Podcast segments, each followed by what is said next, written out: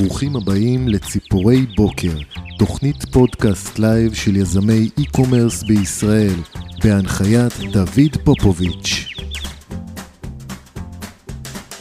בוקר טוב, יום רביעי, פרק נוסף בציפורי בוקר, תוכנית הבוקר לייב של קהילת יזמי e-commerce בישראל, כל שני ורביעי בשעה שש בבוקר, והפעם שמח לארח את מאיר שמחי, יזם e-commerce סדרתי, מתגורר בסין, שיספר לנו את סיפור היזמות שלו ואיך בונים סיסטם למותג. בוקר טוב, מאיר. בוקר מצוין. מה שלומך? אצלך זה כבר צהריים, לא?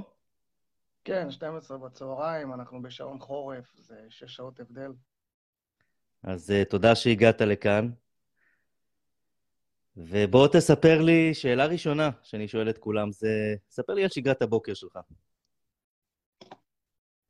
שגרת הבוקר. אמ, הבוקר שלי מתחיל למעשה עוד בלילה. זאת אומרת שאני הולך לישון, אתה יודע, בדקה לפני שאני נרדם. אה, אני משתדל תמיד, דקה לפני שאני עוצם את העיניים, שהמחשבה האחרונה שלי תהיה מחשבה מאוד חיובית לגבי היום שהיה, גם אם היה יום חרא. אמ, סוג של הכרת הטוב. משם, לילה כמובן, שינה טובה, משתדל לישון כמה שיותר. אה, מתעורר בדרך כלל די מוקדם, חמש, חמש וחצי, ואז אה, בעצם אותו habit, אה, לפתוח את היום עם מחשבה טובה, משהו שנותן לך drive אחרי זה להמשך היום. ואז שגרה, כוס קפה, עובד קצת על המחשב, שעתיים עד שבע, שבע וחצי, ומארגן את הילדים לבתי הספר. זו פחות או יותר השגרה. אז uh, כמו שאמרנו, אתה גר בסין ומנהל שם את כל החיים, יש לך ילדים, אישה סינית, נכון? כן, כן. בוא תספר לנו קצת uh, מעניין, איך הגעת לשם? מאיפה התחלת? מה הדרך שלך ליזמות? ניגע בהמשך למה אתה עושה היום, ו... ועצות וטיפים שלך, כי יש לך המון המון מה לספר. אז בוא נתחיל עם קצת, תספר על עצמך. אוקיי, אז אמ, בואו נחזור קצת אחורה. תראה, לעולם היזמות אה, נכנסתי, אני חושב, מאז שאני מכיר את עצמי, עוד בתור נער, אה, בגיל 14-15, אה, כשהגעתי לתיכון, בעצם התחלתי לעסוק בקנייה ומכירה של ספרי לימוד משומשים. אמ, זה רעיון ככה שצץ לי במוח מתוך צורך. אמ, כשכל החברים, אתה יודע, בתקופה הזאת של החופש אמ, גדול, מחפשים כל מיני עבודות מזדמנות וכולי, אה, איכשהו הגעתי לנושא הזה של אה, ספרי לימוד, והתחלתי לסחור בזה, זה עסק שהתפתח, ואחד העובדים שלי בתחילת הדרך, היום הוא אמ, בעלים של אה, אחת, אחת הרשתות הגדולות בארץ, שנקראת תולעת ספרים, אני לא יודע אם יצא לך להכיר, הם יש להם אה, כמה סניפים, יושבים באבן יהודה. אז זה משהו, זה עסק שהמשיך אה, בעצם עד היום. אה, וככה בעצם התגלגלתי לעולם היזמות. לאחר מכן פתחתי איזשהו עסק להתקנה ושיווק של מערכות מתח נמוך, מערכות אזעקה, טלוויזיות במעגל סגור. הייתי אז בן 24. הייתי ילד, חסר ניסיון, לא ידעתי באמת איך מנהלים עסק. זה משהו שהחזיק פחות משנה. אה, הפסדתי שם את כל החסכונות שלי, וסגרתי את העסק הזה. ואז בעצם נחשפתי לכל הרעיון הזה של, אה, של אינטרנט, להקים עסקים באינטרנט, הכנסה פסיבית, אבא עשיר, אבא אני. נכנסתי בעצם לכל העולם הזה של אה, התפתחות אישית בתוך עולם היזמות. על איזה שנה אנחנו מדברים? זה היה ב-2004-2005. 2005. אוקיי. אמ, ואז אמ, עולם האי-קומרס היה שם נרדף לאי-ביי, אי-ביי היה אה, שם נרדף לאי-קומרס. אה, ואז זה פשוט, אמ, זה היה ממש בחיתולים שלו בארץ. התחילו אה, כל מיני תוכניות הכשרה, קורסים וכולי. אה, אני נכנסתי לתחום הזה, התחלתי ללמוד אותו, והבנתי שבשביל להביא מוצרים צריך לעבוד עם סין. ו... בסופו של דבר הגעתי למסקנה שאני רוצה לעשות את זה מסין. היו הרבה מאוד בעיות אה, בשרשרת האספקה, בעבודה עם הספקים, שגרמו לי להבין שאם אני רוצה לעשות scale ל business הזה, אני צריך להיות שם, וגם הבנתי שיש פה איזשהו צורך שאני יכול לענות עליו במתן שירותים ליזמים או סוחרים אחרים כמוני, שצריכים אה, או זקוקים לשירות של אספקת אה, מוצרים מסין, supply chain. אז פשוט קניתי כרטיס טיסה וטסתי לסין, פשוט ככה, בלי לתכנן יותר מדי. באיזה גיל היית? הייתי בן 25, 26, משהו כזה. אוקיי. אמ, כן, אז הגעתי לסין, נחתתי בהונג קונג, הגעתי לשנז'ן, בדרום סין, והתחלתי בעצם אה, להקים את העסק שלי לשרשרת אספקה, שזה בעצם אומר שירותים ל sourcing, אה, איתור מפעלים, איתור מוצרים, אה, אחסנה, שילוח, גם ללקוחות סופיים, גם למחסנים. ועל הדרך זה התפתח לעוד מקומות, לפיתוח מוצרים, ל branding. איפה אתה מוכר את המוצרים האלה שאתה מפתח? בתחילת הדרך? כן. בתחילת הדרך עבדנו הרבה עם eBay, והקמנו אתרים, היה אז אה, Magento, הייתה אז בתחילת הדרך שלה ב-2009, סוף 2008, 2009, הגרסה הראשונה של Magento 1, והתחלנו פשוט להקים כל מיני אתרי נישה אה, על Magento, ופשוט אה, עשינו content marketing, SEO, הבאנו תנועה אורגנית בעיקר, מגוגל, ופשוט מכרנו מוצרים. התפתחנו לעוד ערוצים, היה אז תקופה של גרופון, ואז התחיל קצת אמזון. אמ, השתדלנו להיות בכל מקום. אוקיי. Okay. אז 2009, אתה בסין, מייצר מוצרים, נמצא קרוב לשרשרת הלוגיסטיקה, שרשרת האספקה. מה קורה כן, משם? כן, זה היה הרעיון. אמ, אתה יודע, התפתחנו עם השוק, אה, התחילו להיות כל מיני מגמות. אה, ואז, אה, תראה, כעיקרון, אנחנו היום עושים מותגים ב Brand Masters, וזה משהו שאנחנו כבר התחלנו לעשות ב-2009.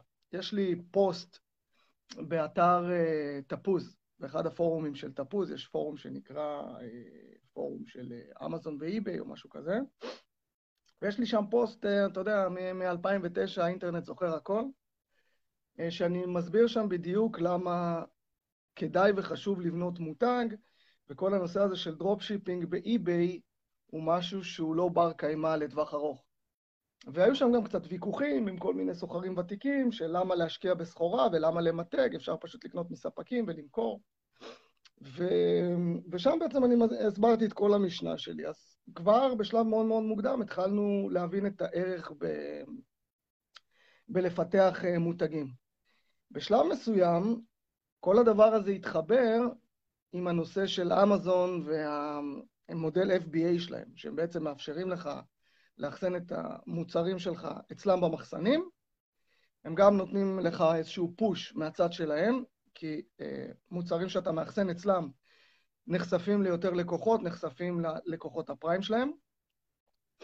ובעצם כל הדבר הזה התחבר, כל העניין הזה של ה-private label ו... ועבודה עם אה, FBA והמודל הזה, ואז זה פשוט התפוצץ. ולקראת 2014 אה, אנחנו ממש אה, התחלנו להכשיר את הלקוחות שלנו לאיך לבנות מותגי private label, הייתה לנו איזושהי תוכנית, איזשהו קורס, ומשם אה, התפתחנו גם לפיתוח של מותגים שלנו, גם לפיתוח של אה, כלים טכנולוגיים, וגם ברמת המודל העסקי התחלנו לשכלל בעצם את המודל הזה ולקחנו אותו לעוד מקומות. מי זה, כשאתה אומר אנחנו, מי זה, היה לך שותפים? אה, כן, אתה יודע, זה, אתה תמיד עובד עם שותפים, הצוות שלך, כל הסביבה בעצם שאיתה אתה עושה את מה שאתה עושה. אה, בחלק מהפרויקטים בהחלט עבדנו עם שותפים, בפרויקט אה, של הקורסים והתוכניות הכשרה שלנו אה, בישראל עבדתי עם, באותה תקופה עם אסף שרשוב, כן. הכשרנו לא מעט יזמים, חלק גדול מהם גם עשה אקזיטים, ובעיקר, אתה יודע, הצוות שלי, יש לנו פה צוות גם של עובדים מקומיים פה בסין, יש לי גם צוות של VAs שהם בפיליפינים, בהודו ובעוד מקומות. וכן, וגם שותפים שאנחנו עובדים איתם מקרוב. אז כיום במה אתה מתמקד? היום בעיקר בכל הנושא של intellectual property, בעצם פיתוח של קניין רוחני. כל הנושא הזה של מותגים, בעצם כל הערך שנוצר סביב מותגים יצר, יצר צורך לפתח את הדבר הזה עוד יותר. כי מה שראינו זה שהיום כבר לא מספיק לקחת מוצר ו- ולקשט אותו עם איזשהו לוגו ולקרוא לזה מותג. אתה צריך לצקת תוכן למותג שאתה בונה. וזה העלה את. את סף הדרישות באמת להקמת מותג. גם אם אתה מסתכל היום על אמזון, אם אה, בתחילת הדרך מספיק שהיית מצלם את המוצר שלך ונותן לו איזשהו שם והם היו נותנים לך brand registry, היום באמזון אתה ממש צריך לרשום trademark, וכל הדרישות האלה הולכות ועולות. וזה אומר שגם לדבר הזה יש יותר ויותר ערך. המיקוד שלנו היום הוא בעיקר סביב הנושא הזה של intellectual property, פיתוח של intellectual property, מסחר ב-intellectual property, וה monetization היא דרך מודל שנקרא brand licensing. brand licensing בעצם אה, זה מודל שהוא מאוד ותיק, הוא פשוט חדש יחסית בתחום ה e-commerce, אה, שהוא אומר בעצם שאתה, אם אתה מרצ'נט, אם אתה בעצם סוחר, במקום להקים מותג חדש מאפס, אתה יכול פשוט להשכיר מותג אה, גדול, כמו למשל דיסני, ולהשתמש בנכסים של המותג, אם זה העיצובים שלו, אם זה השם שלו, וכולי, על המוצרים שלך. לצורך העניין, אתה מרצ'אנט שרוצה אה, להקים חנות ולמכור מוצרים סביב אה, back to school, כל מיני נגיד קלמרים, מחברות, תיקים. אתה יכול לקחת קו של, אה, של properties מדיסני, לצורך העניין של מלך האריות, או של Marvel, או לא משנה מה, ופשוט להשתמש בזה ולהדפיס את זה על המוצרים שלך, ובעצם לצקת תוכן למוצרים שאתה משווק. וזה יכול להיות גם brand partnership, זאת אומרת, אתה יכול לשלב שם גם את ה brand שלך, בשיתוף פעולה עם דיסני או כל brand אחר שאתה בעצם מזכיר. והמודל עובד בצורה כזו שאתה משלם תמלוגים. אתה משלם תמלוגים מהמכירות שאתה מייצר. וזה קל יחסית לקבל את ה brand, אה, איך זה נקרא? את ה license? כן, את ה licensing. אמ, זה לא כזה פשוט, זה לא כזה פשוט. כעיקרון, הצורה שבה השוק מתנהל כיום זה על ידי סוכנויות. יש סוכנויות שמנהלות את הפרופרטיז האלה למותגים הגדולים. הם בעצם כמו אגרגטורים קטנים כאלה, שבעצם מקבלים את הזכות לנהל הפרופרטיז האלה עבור המותגים הגדולים, והם מנהלים את כל התהליך. התהליך בעצם מורכב מ... שבו בעצם הזכיין פונה לסוכנות כדי לקבל רישיון למותג מסוים או לפרופרטי מסוים, ואז יש איזשהו תהליך, יש application, ואחרי זה יש submission, אתה בעצם מגיש דוגמאות, אתה, המותג רוצה לראות שהמוצרים שאתה מתכוון לרכוש הם איכותיים מספיק, יש עליך איזושהי בדיקת אה, background כזה ש, שבודקים שיש לך קרדיט ושאתה אמין וכולי וכולי. ולאחר מכן יש אה, שלב שנקרא approval, שמאשרים לך את, ה, מאשרים לך את הדוגמאות, ואז בעצם אתה יכול לצאת לדרך. וכל הדבר הזה מאוגד בעצם באיזושהי מסגרת משפטית. יש איזשהו חוזה, אתה, יש contract שאתה חותם עם החברה, עם הסוכנות, שזה יכול, זה תחום גם בזמן בדרך כלל, ויש הרבה מאוד uh, פרטים שצריך לקחת בחשבון. וברגע שהכל מאושר, אז אתה יכול להתחיל לעבוד, ואתה יכול להתחיל למכור את המוצרים שלך ב, בדרך כלל בטריטוריה מסוימת. עכשיו, מה שקרה עם התחום הזה, זה שכל ה, אה, כל הנושא של ה e-commerce דווקא פגע בתחום הזה, כי כל הנושא של הטריטוריה איבד מהמשמעות שלו. אנשים יכולים להיכנס לכל אתר מכל מקום בעולם ולרכוש מוצרים. וכל הנושא הזה של ה retail וחנויות אה, במיקומים גיאוגרפיים, בעצם כל העניין של ה licensing נפגע שם. ועכשיו, מה שאנחנו עושים, אנחנו בעצם עושים אדפטציה מסוימת לעולם ה e-commerce בזה שאנחנו מסתכלים על ה marketplaces החדשים, כמו למשל אמזון, Walmart וכולי, כסוג של טריטוריות חדשות. אנחנו בעצם אומרים, בואו ניקח מותג ונייצר license למוצר מסוים, ל marketplace מסוים. ואז בעצם הזכויות שניתנות לאותו סוחר הן ניתנות uh, ספציפית לאותו מרקט פלייס. לצורך העניין, אמזון, ארה"ב. אז הזכויות שלי יהיו למכור את אותו מוצר ספציפי רק באמזון, ארה"ב, ועל uh, זה אני אשלם תמלוגים לאותו מותג. הבנתי. תשמע, זה, זה system. תכף נדבר על, אה, על איך אתה בנית את ה system הזה ומה צריך היום בסיסטם של, של מותגים, אבל אתה בעצם נותן אפשרות גם למי שלא כל כך מבין בבחירת המוצר, אתה חוסך לו את כל החלק הראשון בעצם. הוא למעשה מקבל מוצר מוכן. יש פה שני, נכון, יש פה שני צדדים. יש פה את הצד של המותג, שבעצם רוצה לעשות uh, expansion. מותגים שרוצים להתרחב, uh, יש להם היום כמה constraints, כמה בעצם uh, מגבלות. אחד זה הון, להשקיע בהתרחבות, גם אם זה מוצרים קיימים, אז להגיע לעוד שווקים, אתה צריך עוד הון במלאי. Uh, דבר שני, זה העניין של uh, לפתח באמת מוצרים חדשים. וכל התפתחות כזו דורשת הרבה מאוד גם כסף וגם uh, uh, התעסקות. זאת אומרת, יש לך הוצאות אופרטיביות, אתה צריך יותר עובדים, יותר uh, צוות, צוות יותר גדול. Uh, אם אתה רוצה להיכנס לעוד פלטפורמות, יש גם עקומת למידה וכולי. אז בצד של המותגים אנחנו בעצם אה, עוזרים להם בזה שאנחנו מאפשרים להם פה לייצר ערוץ הכנסות חדש. בעצם בוא תיקח את ה brand equity שבנית ופיתחת, ותמנף את זה. אתה יכול פשוט אה, אה, לתת ל merchant אחר, שאתה כמובן סומך עליו ובנית את המסגרת הנכונה איתו, לעשות שימוש במותג שאתה כבר יצרת, למכור את המוצרים שלו. ואגב, כמעט כל מותג היום עושה את זה, מהמותגים הגדולים. אז זה בצד של המותגים. בצד של הסוחרים, אה, מה שאנחנו רואים היום זה, כמו שאמרנו, לבנות מותג נהיה כבר דבר די מורכב. זאת אומרת, זה מצריך ממך אה, כישורים ו- ותשתיות שלא כל אחד יכול להרשות לעצמו, במיוחד כאלה שהם לא בטוחים מה הם הולכים לעשות. זאת אומרת, הם לא יודעים איך החזון שלהם נראה עדיין. כאלה שרק רוצים להתחיל אה, עסק באונליין, איזשהו עסק למסחר אלקטרוני וכולי. ולכאלה אנחנו נותנים בעצם פתרון אה, יחסית מאוד פשוט, בוא תתגלח על מותג קיים.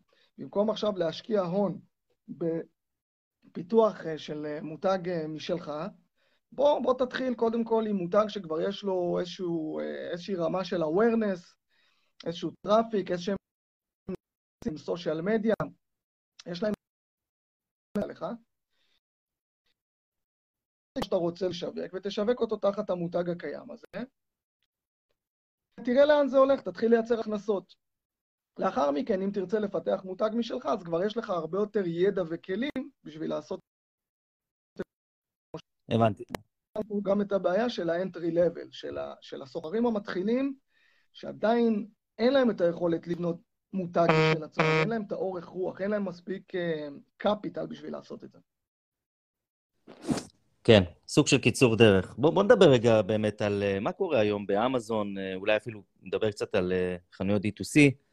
מה נדרש היום מיזם מתחיל להיכנס לתוך עולם ה e-commerce ולהתחיל לייצר מותג? זו שאלה טובה. תראה, מותג, קודם כל, בשביל לבנות מותג יש איזשהו process, אתה צריך איזשהו framework, יש, יש כמה תהליכים שצריך לבצע אותם, אם זה כל הנושא של בניית identity וה brand book וה guidelines וכולי. אבל קודם כל צריך להבין מה, מה הרעיון בבניית מותג. והרבה אנשים מתחילים מהמוצר, ו, ופה מתחילה הבעיה. מותג בונים סביב פתרון לבעיה. המישן שלך, המשימה שלך היא לפתור איזושהי בעיה בשוק. אתה מזהה איזושהי בעיה, או לתת איזשהו מענה לצורך מסוים. ו, ומשם נובע החזון שלך, משם נובע הלמה שלך, ומשם בעצם נוצר המסע שלך. אתה בא לשוק ואתה אומר, זיהיתי בעיה, אני עכשיו הולך לפתור אותה, ואז אתה מתחיל לפתח את הגישה שלך לפתרון הזה. אתה מתחיל להגיד, אוקיי, אני הולך לפתור את הבעיה הזו מהגישה הזו, למה? כי מצאתי שאין דבר כזה. אנשים לא עושים את זה בצורה הזו, ואתה מביא בעצם פתרון ייחודי. שם אתה מייצר את הפוזישנינג שלך, את הבידול שלך. וברגע שיש לך את ההבנה הזו, אתה מתחיל לפתח את הפתרון עצמו, את המוצר. המוצר הוא בעצם אה, כלי לממש את החזון הזה.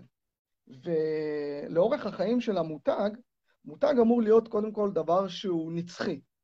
מוצר יכול להשתנות. אתה יכול לפתור בעיה עם מוצר שמתאים לשנות האלפיים, ואתה יכול אחרי זה לשדרג את זה ולפתור את אותה בעיה עם מוצר שמתאים לטכנולוגיה ולמצב השוק ולצרכים של השוק בשנות ה-2020. והמשימה היא בסופו של דבר אותה משימה. הרעיון שאתה מנסה לפתור, הבעיה שאתה מנסה לענות עליה.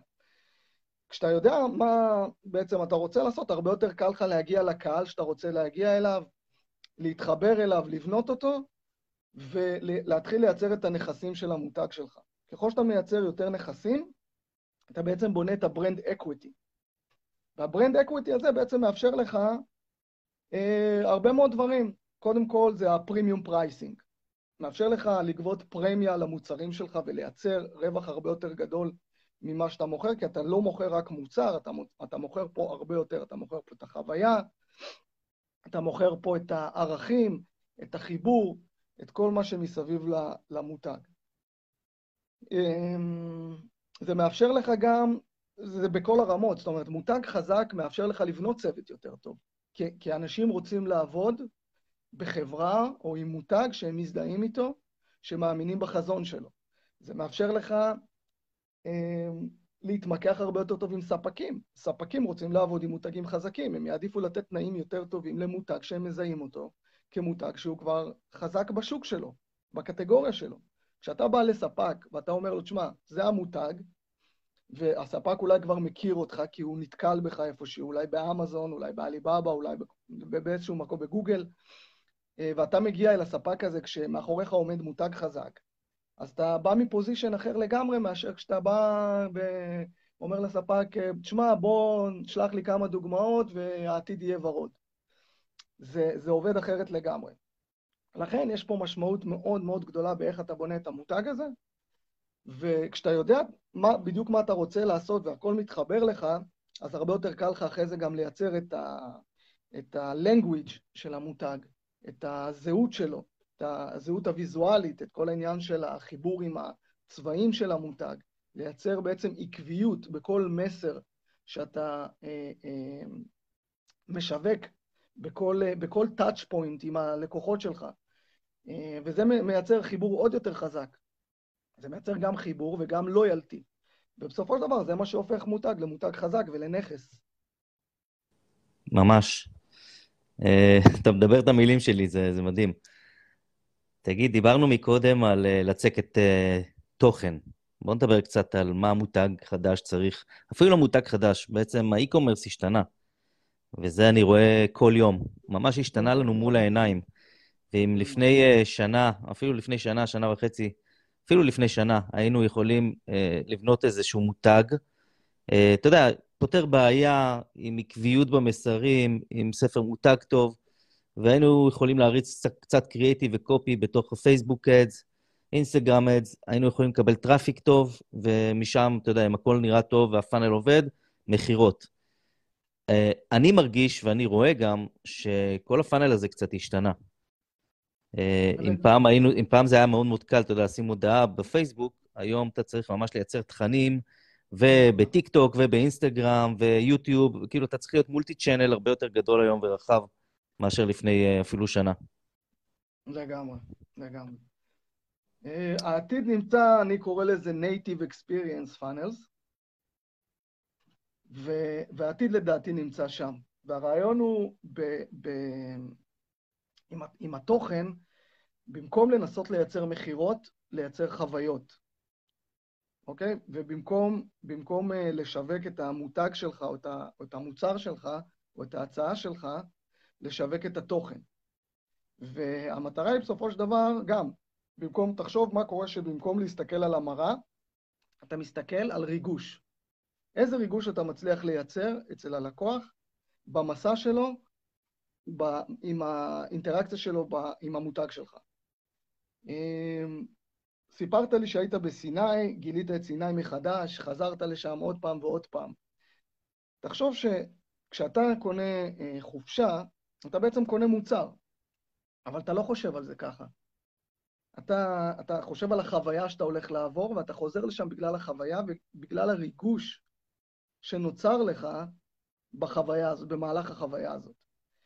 ואותו דבר אנחנו יכולים לראות קורה בעולם האי-קומרס עכשיו, וזה מתאפשר גם מבחינה טכנולוגית, עם כל מה שקורה עם ה-Headless, Headless Commerce, שזה בעצם טכנולוגיה חדשה של uh, אתרי e-commerce, ששם אפשר בעצם לייצר את ה-Native Experience אה, Funnels, uh, וגם מבחינת, אתה יודע, לאן שהמקום הזה הולך מבחינת התוכן.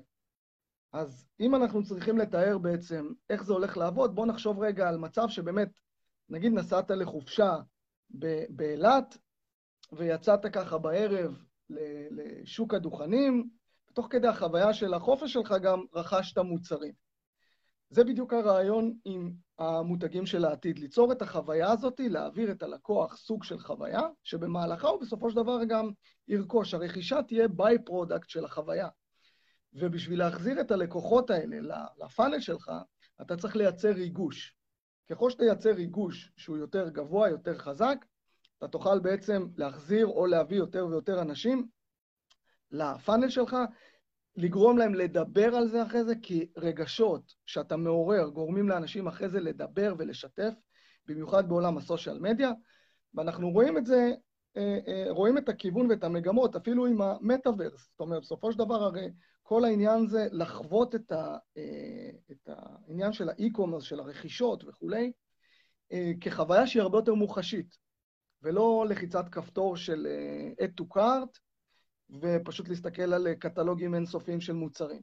זה היה נכון לתחילת שנות האלפיים. אז התפתח עולם ה-e-commerce, ובתחילת הדרך, פשוט מה שחברות טכנולוגיה עשו, לקחו קטלוגים מהעולם של ה-offline, ופשוט יצרו דבר דומה בעולם ה-online.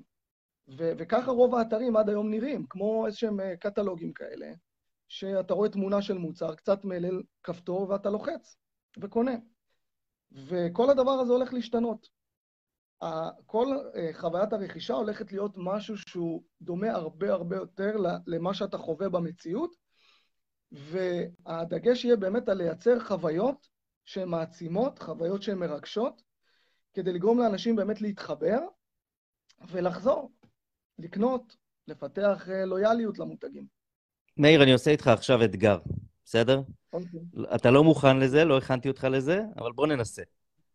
אוקיי. בואו נוריד את זה לרמת הפרקטיות הכי מעשית שאפשר, ובואו אוקיי. נצייר, בוא נצייר לנו עכשיו פאנל, מסע אוקיי. לקוח, אוקיי. שמתחיל ממודעה איפשהו, אפילו לא מודעה, מתחיל מתוכן מסוים, ממשיך. לתוך לינק שהוא מקבל, מורידים אותו לאנשהו, כי צריך להיות בסוף איזשהו עמוד מכירה, ולוקחים אותו ל-checkout, אחר כך, אה, אתה יודע, לסיום התהליך, ואז ל-loyalty program. בואו בוא ננסה לצייר כרגע איזה funnel עתידי, שאתה רואה ב-vision שלך שקורה מ... לא יודע מה, כבר מהשנה זה מתחיל, לדעתי. אז, אז מה אתה רואה בעיניים שלך ב-top of the funnel? בואו באמת ננסה לעשות משהו uh, פרקטי, משהו ש, שאפשר באמת uh, לקחת ו, ולייצר אותו. אז... אני, אני בוא, אוהב... בוא נעשה את זה אפילו יותר פרקטי. מאיר, בוא נעשה את זה יותר פרקטי, ואני הכי פתוח וכנה. ואתה אוקיי. עובד איתי על ג'ימון מי, בסדר? אנחנו, אני נעזר בך אה, כסטודיו, אבל גם כייעוץ. ובואו ניקח את ג'ימון מי כ-case study, תיק למאמני כושר שצריך להיות מושק ב-2022, הוא כבר בעצם uh, מושק, אבל בואו ניקח מותג שקם ב-2022, חדש לגמרי, פותר בעיה, כשההתמודדות המעשית ו- ושבאמת קורית לנו במציאות, היא שהמודעות פייסבוק לא עובדות למותג כזה עם מוצר של 250 דולר. מה החוויה שאני צריך להעביר כרגע את הקהל, כדי בכלל לבוא ולהסתכל על ההצעה שלי? אמ, תשמע, זה דורש פה חשיבה, כי אתה יודע, לקחנו מ... מ אה, את זה לאיזשהו משהו אקראי, למשהו מאוד נקודתי, אבל אה, אחד מסוגי התכנים שעובדים הכי טוב לדעתי, זה כל הנושא של education. כל מה שאתה יכול לתת בעצם ערך שהוא אה, לימודי, חינוכי, אה, הכשרתי לקהל שלך. תחשוב שאתה מייצר איזושהי תוכנית, תוכנית אימונים, ממש איזשהו אה, קורס לצורך העניין, וזה בעצם הפאנל שלך, קורס עצמו. ותוך כדי הקורס אתה מייצר לצורך העניין תרגילים או שיעורי בית שמצריכים שימוש בכלים מסוימים. ואז, תוך כדי התהליך, אותו, אה, אה, אותו לקוח, אותו משתמש, אותו מתאמן שעובר את הקורס, עובר את ההכשרה, אה, כשהוא מגיע לשלב שבו הוא צריך להשתמש, לצורך העניין עם הכדור יוגה, או לא משנה מה זה יהיה, קופץ לו גם איזשהו כפתור שנותן לו אפשרות לרכוש את הכדור הזה בהנחה או באיזשהו מחיר מיוחד. זאת אומרת, אתה לקחת את כל חוויית הרכישה מכניסה לפאנל של שופינג קארט, בעצם לחוויה של קורס. אני עובר כרגע קורס, והחיבור לצורך שלי במוצר הופך להיות הרבה יותר ממשי. כי הסיבה שאני עושה את הקורס הזה זה כי אני רוצה להשיג איזושהי תוצאה. אני רוצה ללמוד משהו, אני רוצה להבין איך זה עובד. וכל הקורס הזה בנוי באופן כזה שאני צריך גם להשתמש בכלים מסוימים. ואז בעצם, תוך כדי הפאנל שבו אני עובר את הקורס או את ההכשרה, אני מקבל גם את ההזדמנות או את האפשרות לרכוש את המוצר. זה רק כיוון אחד, זה רק רעיון אחד, אבל אפשר לקחת את זה להרבה מאוד אה, סוגים אחרים של תכנים. כן. איך זה יכול אה, לעבוד בסושיאל מדיה? נגיד עכשיו אני רוצה לייצר ערוץ אה, טיק טוק. אה, שאנחנו יודעים שהוא הולך ומתגבר ונהיה מאוד מאוד חזק, בארה"ב זה כבר ממש נהיה מהפכה. אה, גם שם היית ממליץ שבעצם התוכן שלי יהיה תוכן לימודי? בסגנון הומוריסטי כזה? אה, לא בהכרח, שוב, זו, זו רק דוגמה. גם כשאתה בונה למשל את הערכים של המותג ואת השפה, אז אתה, אתה בוחר כאילו מה אתה רוצה להיות, איך אתה רוצה לדבר ללקוחות שלך. אם אתה בא ממקום באמת של מנטורשיפ, וזה הדבר הראשון שעלה לי לראש כשאתה, כשדיברת איתי בעצם על מאמנים, אוקיי? כי כ, כמאמן בעצם, מה שאתה עושה, אתה בעצם, אתה איזשהו סוג של מנטור, אתה רוצה להעביר משהו. אז זה אחד הערכים שאני הייתי מחבר למותג הזה, אוקיי? אבל אם מדובר במותגים שונים, אז כל מותג יש לו את הערכים שלו, ואז לפי זה גם אתה בונה את אסטרטגיית התוכן שבעצם תשרת את המותג שלך, שתעביר את המסרים שלך, את הסיפור שלך. אוקיי, okay, אז כן. הבנו, הבנו את ה-top of the funnel, הבנו שהכל השתנה, זה כבר לא, יכול להיות, אה, לא יכולה להיות מודעה קרה כזאת עם תמונה ש... ש... שמסיטה את ה-traffic לתוך עמוד המוצר בצורה כמו שעשינו עד עכשיו, למרות שזה עדיין עובד, בואו צריך לסייג שזה עובד. זה עדיין עובד, אבל... ברור, זה עדיין עובד. אבל זה, זה עדיין לא עובד, אבל אנחנו מסתכלים על, בדיוק, אנחנו מסתכלים קצת קדימה, וצריך להתחיל לעשות את ההתאמות. אז הוא ראה את התוכן שלנו והוא התעניין, אנחנו ממשיכים את ה-funnel, mid of the funnel, אנחנו מצליחים להוריד אותו לאן? לאן הוא יורד? ישר לעמוד מוצר? שוב, השאלה, השאלה מה אסטרטגיית התוכן. אם אתה, קודם כל, אה, רוצה לבנות את הקהל שלך, ואתה רוצה לחמם אותו, אז אתה יכול אה, לבנות, אה, כמו שאמרנו, איזשהו מוצר תוכן מסוים. שאתה מכניס אותו קודם כל למוצר התוכן הזה, שזה יכול להיות מוצר תוכן חינמי. זה יכול להיות משהו הדרכתי, זה יכול להיות אלף ואחד דברים. ואז מהמקום הזה, אחרי שיצרת חיבור הרבה יותר אה, חזק ואוטוריטה, ויצרת את אה, קהל המעריצים שלך למותג, שצורך את התוכן שלך, אז אתה בעצם יכול להגיע לשלב של מכירת המוצרים. אז אתה אומר, בעצם במילים אחרות, מה שאתה אומר, זה בוא לא נוריד אותם לעמוד המוצר, בואו רגע נעביר אותם עוד איזה חלק אחד בפאנל. אה, אז זה יכולה להיות קבוצת פייסבוק סגורה, שבה הם מתחממים ומכירים את הנפשות הפועלות, מכירים את המותג, את האנשים מאחורי המותג, מקבלים עוד ערך ותוכן. זה יכול להיות גם ניוזלטר, אה, uh, כאילו רשימת תפוצה. לגמרי, שבה, לגמרי. ש, שבה הם מקבלים welcome, וזה דרך אגב העדפה האישית שלי, להוציא אותם מכל מה שקשור לפלטפורמה שאין לנו שליטה עליה, באימייל יש לנו שליטה מלאה, ושם בואו נחמם אותם, נעשה להם Welcome Sequence כזה, וניתן להם עוד קצת תוכן וערך, מאמרים, וההצעה תגיע ככה אחרי איזה תקופה מסוימת. כן, זה יכול להיות, תראה, זה יכול להיות תוכן שבא כמאמרים, כאדיוקיישן, זה יכול להיות גם גמיפיקציה, זה, תראה למשל מה טסלה עשו. הם נותנים לך בעצם להיכנס לאתר שלהם ולהתחיל להרכיב את הרכב שלך, לבחור צבעים, לבחור את הסוג של הריפוד, והרבה מאוד אה, דברים, ואז בעצם אתה אה, אה, כבר נמצא עמוק בתוך המוצר. זאת אומרת, שוב... כן, אתה מעורב הוא... בתהליך. בדיוק. העניין הוא איך אתה מייצר בסופו של דבר חוויה ויוצר ריגוש. הריגוש הזה הוא מה שיגרום לאסוסיישן עם ה-brand שלך. עכשיו, שוב, צריך להבדיל באיזה באיזה מטרות אתה מציב לעצמך. אם אתה מציב לעצמך מטרות של brand building, זה קצת שונה ממטרות של לעשות מכירות בווליומים ו-scale, שזה משהו שקורה יותר למשל באמזון, ש, ש, שהם נותנים לך בעצם את התשתית לעשות את ה-scale הזה מהר מאוד, וגם בווליומים מאוד גדולים, אוקיי? אז השאלה אבל לא שוב... בנית שם brand, אבל לא בנית brand, זה בסוף, זה לא הנכס שלך. תראה, ה-brand הוא שלך, הערוץ הוא נשאר שלהם. אם אתה יודע איך בסופו של דבר לקחת את האנשים אה, אל מחוץ לפלטפורמה, אתה יכול לבנות את ה-brand שלך באמצעות אמזון. זאת אומרת, המטרה היא פה לא לבנות brand בשביל למכור באמזון, אלא למכור באמזון בשביל לבנות את ה-brand שלך. ואחת הדוגמאות, אגב, שזה תלמיד שלי לשעבר, הוא יצר מוצר, אה, שהמוצר הזה עובד, זה מוצר היברידי. הוא, הוא עובד, הוא מוצר פיזי, אבל הוא עובד על אה, אפליקציה. אפליקציה יחסית מאוד פשוטה. מה שקורה זה, זה שכל בן אדם שקונה את המוצר עצמו באמזון, חייב להוריד את האפליקציה הזו לטלפון שלו ולהפעיל אותה. ובמהלך ההורדה של האפליקציה וההפעלה שלה יש גם רישום לאפליקציה. זאת אומרת, יש לו כבר פאנל לאיסוף של האימיילים ושל הלקוחות, שהוא נייטיב, הוא חלק מהמוצר עצמו. כל מכירה בעצם שלו באמזון, בנתה לו את המותג יותר ויותר. אז שוב, תמיד יש דרכים לעשות את זה, גם באמזון, גם בפלטפורמות אחרות, הכל עניין של אסטרטגיה. אז האסטרטגיית התוכן שלו והחוויה שלו הייתה באמת דרך יצירת האפליקציה הזו, שעובדת אה, יחד עם המוצר, למרות שזה מוצר שלא חייב לעבוד עם אפליקציה. ותחשוב שאתה יכול אה, אה, לפתח אפליקציה כמעט לכל מוצר שאתה רוצה למכור. אפילו לגימור מי, אתה יכול לייצר איזושהי אפליקציה של, אה, של exercise, של ספורט וכולי, ואז פשוט להציע את האפליקציה בחינם. לבנות את הקהל שלך, כי אתה מציע תוכן איכותי בחינם, אתה מקבל הורדות, ויש לך כבר ממשק אחר שהוא לא טיק טוק ולא פייסבוק, אה, לתקשורת עם הקהל שלך, לייצר את ה-touch point בין המותג לקהל שלך.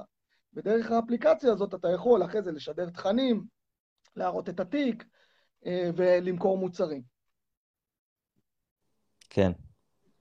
מעניין. תקשיב, זה נהיה הרבה הרבה יותר אה, מורכב עכשיו אה, להגיע לקהלים. בוא נמשיך, את, ה... כן. בוא נמשיך את הפאנל. הבנו אוקיי. שאנחנו צריכים לעשות עוד איזה נקודת מגע שמחממת את הקהל. פעם דיברנו על חימום, דרך אגב, פעם דיברנו על חימום קהל בהקשר של פיקסל, אם אתה זוכר בפייסבוק. בואו נחמם כן. את הקהל, נחמם את הפיקסל, נציג לו קצת מודעות awareness ו-reach. Uh, עכשיו זה השתנה לגמרי מבחינת ה-brand equity. ה-brand equity צריך להתחמם. לגמרי. כל העניין של ה-data עדיין מאוד מאוד חשוב. זאת אומרת, uh, בסופו של דבר, זה צריך להיות אחד המרכיבים הכי חשובים בקבלת ההחלטות שלנו. ולאן אנחנו לוקחים את העסק שלנו ואת המותג שלנו. אנחנו צריכים להסתכל על הדאטה ולנתח אותו, ואנחנו צריכים גם לצבור דאטה. אבל בסופו של דבר אנחנו צריכים להבין מה המטרה שלנו. האם אנחנו עכשיו רוצים רק לייצר אה, מכירות, או שאנחנו רוצים באמת לבנות את המותג שלנו. וזה מחזיר אותי דווקא לאיזשהו פוסט שעלה בקבוצה שלך לפני מספר חודשים, והוא קפץ ככה לפני כמה ימים שוב, של אה, יזם שדיבר על זה שהם הגיעו מחזור של שתי מיליון שקל, וזה היה איזשהו איזה מיילסטון אה, מאוד רציני, ו...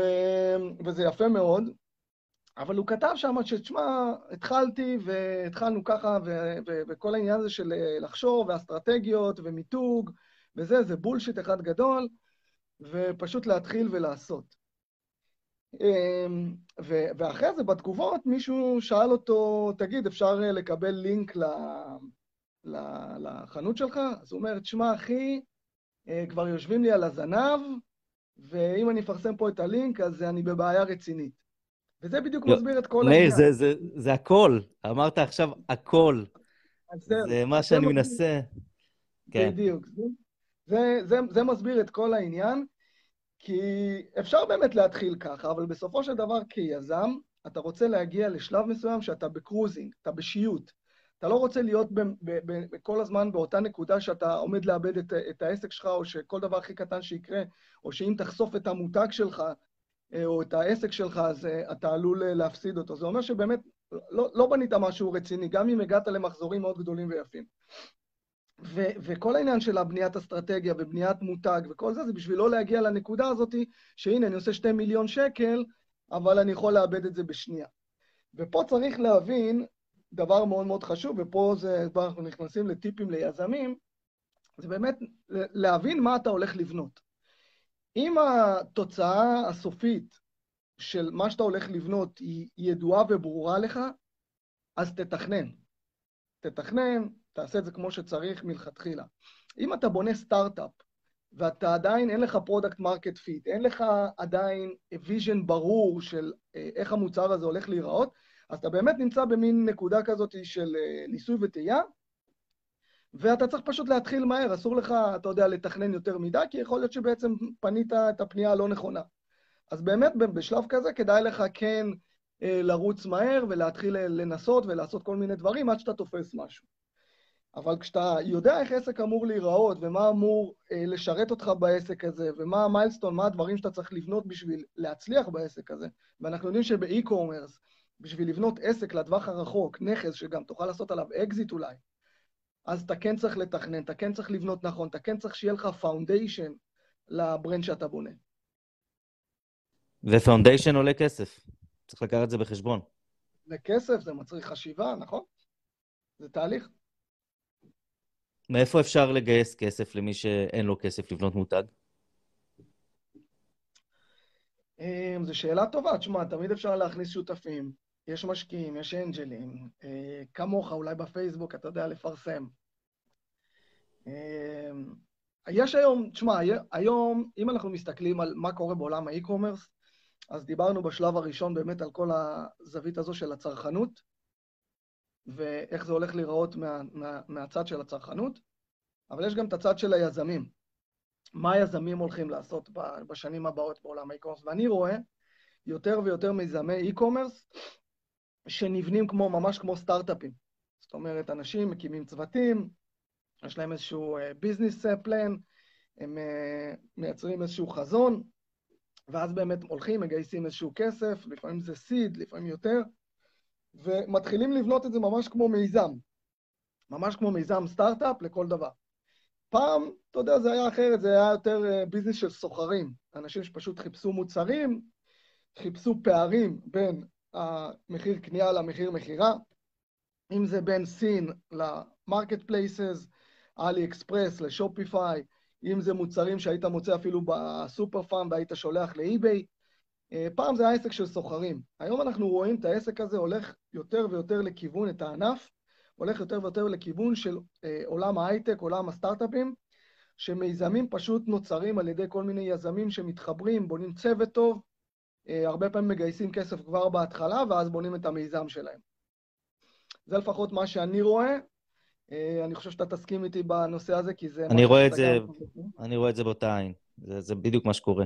כשאתה אומר פעם, זה מצחיק, כי הפעם שלך ושלי זה לא הפעם של אנשים. זה, אתה צריך להבין שאנשים עדיין כל יום מקימים אה, חנות שופיפיי ומכניסים אליה מוצרים מאלי אקספרס. זה לא פעם, זה עדיין קורה.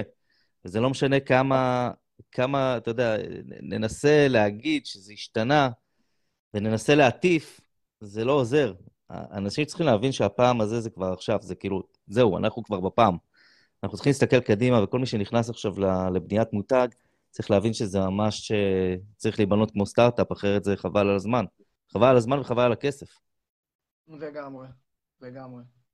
אנחנו לא יכולים להגיע למצב שבו שואלים אותנו מה החנות שלנו, אנחנו לא יודעים להגיד, אה, אנחנו מפחדים להגיד אותה. נכון. זה אומר ש... לדעתי זה אומר שאין לך מותג. אם אתה מפחד. לפרסם את המותג שלך ולחשוף אותו, אין לך באמת מותג. הרי מה כל הרעיון של מותג? מותג זה סימבול, בסופו של דבר זה איזשהו סמל שיש לו תוכן וערך ייחודי, שהוא שייך רק לך. ואם מישהו ירצה אותו, הוא ירצה אותו בגלל מישהו, והוא לא ילך למתחרה בגלל שהוא מוכר יותר בזול. אז אם ננסה לנס, לשים קצת אה, מסגרת לטיפים ליזם המתחיל, מה, מה הוא צריך לעשות היום בשביל אה, להקים מיזם? תשמע, מהבחינה הזאת זה לא, לא יותר מדי השתנה. זאת אומרת, אה, העקרונות של עולם היזמות נשארו אותם עקרונות. מה שצריך אה, קודם כל להבין זה שבכל רגע נתון יש יותר הזדמנויות ממה שהיו בעבר. תמיד צריך לזכור את הכלל הזה, כי הרבה פעמים נדמה לנו שהנה, אה, אמזון זה כבר אה, מוצף, ו Shopify כבר לא הולך, וכולי וכולי. זה לא נכון. כל הזמן נפתחות יותר הזדמנויות. עכשיו פתאום יש לנו NFT, ויש לנו את כל הנושא הזה של ה licensing, שאגב, זה, זה בעצם אותו דבר. מה שקורה עם, עם ה-NFT, ה-NFT זה בעצם סוג של, של חוזה, סוג של חוזה חכם. אה, אבל אתה יכול לראות שבעצם אה, כל מצב מביא, מביא, מביא איתו בעצם גל של הזדמנויות חדשות. אה, פשוט צריך לשנות את זווית ההסתכלות שלנו על, ה, על העולם הזה בשביל לזהות את ההזדמנויות ו- ולראות בעצם איפה אנחנו יכולים להשתלב, איפה אנחנו יכולים להביא ערך. אבל עקרונות היזמות, בגדול, הם אותם עקרונות, והם נכונים גם לעולם האי-קומרס, גם לעולם העסקים הישנים. מבחינת העקרונות הם אותם עקרונות. אה, הרבה מאוד התמדה, הרבה מאוד אה, למידה, וכל מה שדיברנו עליו באיך להקים מותג, אה, למה חשוב להקים מותג, איך הופכים בעצם פרופרטי, שזה בעצם, אה, אם נפרש את זה, זה קניין, ל asset, לנכס, שזה בעצם property עם value הופך להיות בסופו של דבר נכס. וזה מה שאנחנו רוצים לעשות כשאנחנו בונים מותג, כי אז זה מאפשר לנו בעצם לקבל את כל הערכים שדיברנו עליהם, שזה premium pricing, שזה יכולת אה, לגייס אנשים יותר טובים למיזם שלנו, זה יכולת להתמקח מול הספקים, וכמובן להצליח עם המוצרים שאנחנו מוכרים. נכון, וכשאמרת התמדה ועקביות אמ, ולמידה, לא ציינת משהו מאוד חשוב, ואני רוצה, וזאת השאלה האחרונה שלי אליך. אוקיי. אה, בוא, נד- בוא נדבר על אותנטיות, אותנטיות מנצחת. המסר לגמרי. המרכזי שאני מעביר ב- בתקופה האחרונה. בוא תרחיב על זה קצת.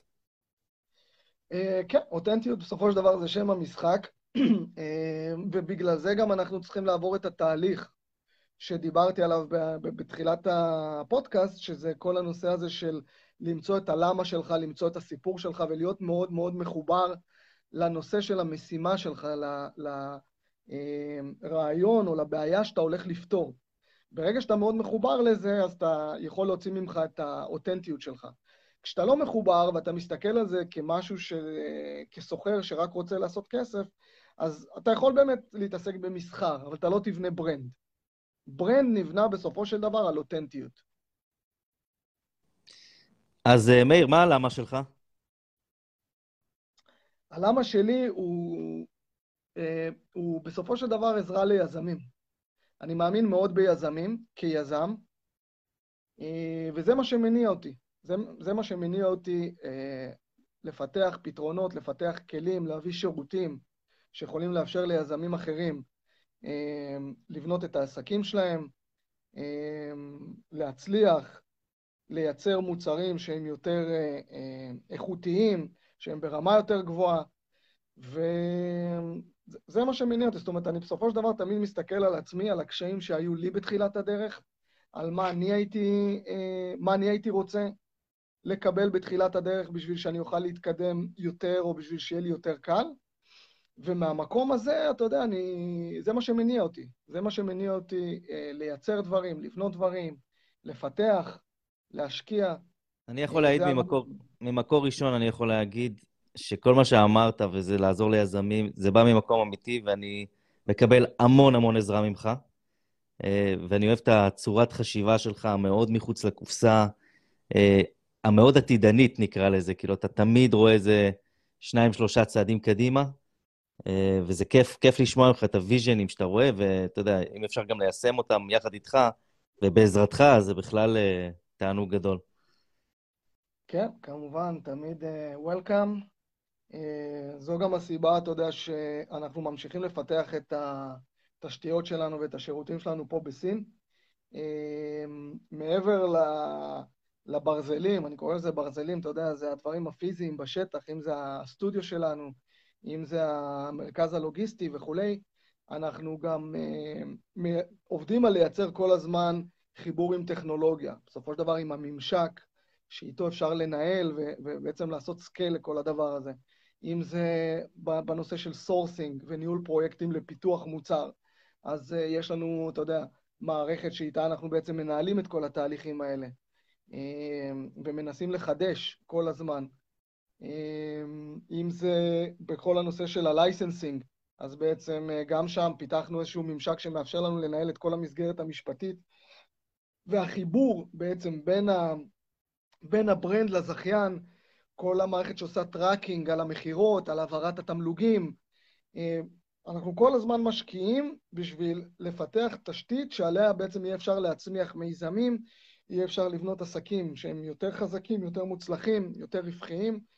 זה מה שמניע אותנו. בסוף זה הסיסטם. לגמרי. טוב, אז uh, מילות, uh, מילות סיכום שלך, אנחנו ככה מסיימים. מילות סיכום שלך לאנשים, למי שיקשיב בהמשך. אמ, תשמע, אני חושב שהפודקאסט מדבר בעד עצמו. די uh, סיכמנו פה, ואני חושב שהיה די מקיף. יש עוד הרבה על מה לדבר, כמובן. Uh, כל נושא פה זה נושא לפודקאסט שלם. אבל uh, אני אשמח, אתה יודע, גם uh, לענות לאנשים בפרטים, מישהו uh, מתעניין, רוצה לשמוע עוד. מוזמנים ליצור קשר אה, ולשוחח בשמחה, ותודה שהערכת אותי. היה מאוד נעים, ואני מקווה שאנשים אוהבו את הפודקאסט. אהבו בטוח. אה, המון תודה, מאיר. אה, שמח שאתה... תמיד שמח לדבר איתך. תמיד שמח לעשות איתך את ה brainstorming הזה. לא דיברנו בסוף על הסיום של ה funnel, שזה ה... לדעתי צריך להיות loyalty program, אבל זה כבר יהיה לפודקאסט אחר. או תעלה על זה איזה פוסט. תעלה על זה פוסט בקבוצה. אחלה. אז שיהיה, שיהיה אחלה יום, תודה רבה לכולם, יום מקסים. ביי. ביי ביי. We'll be right back.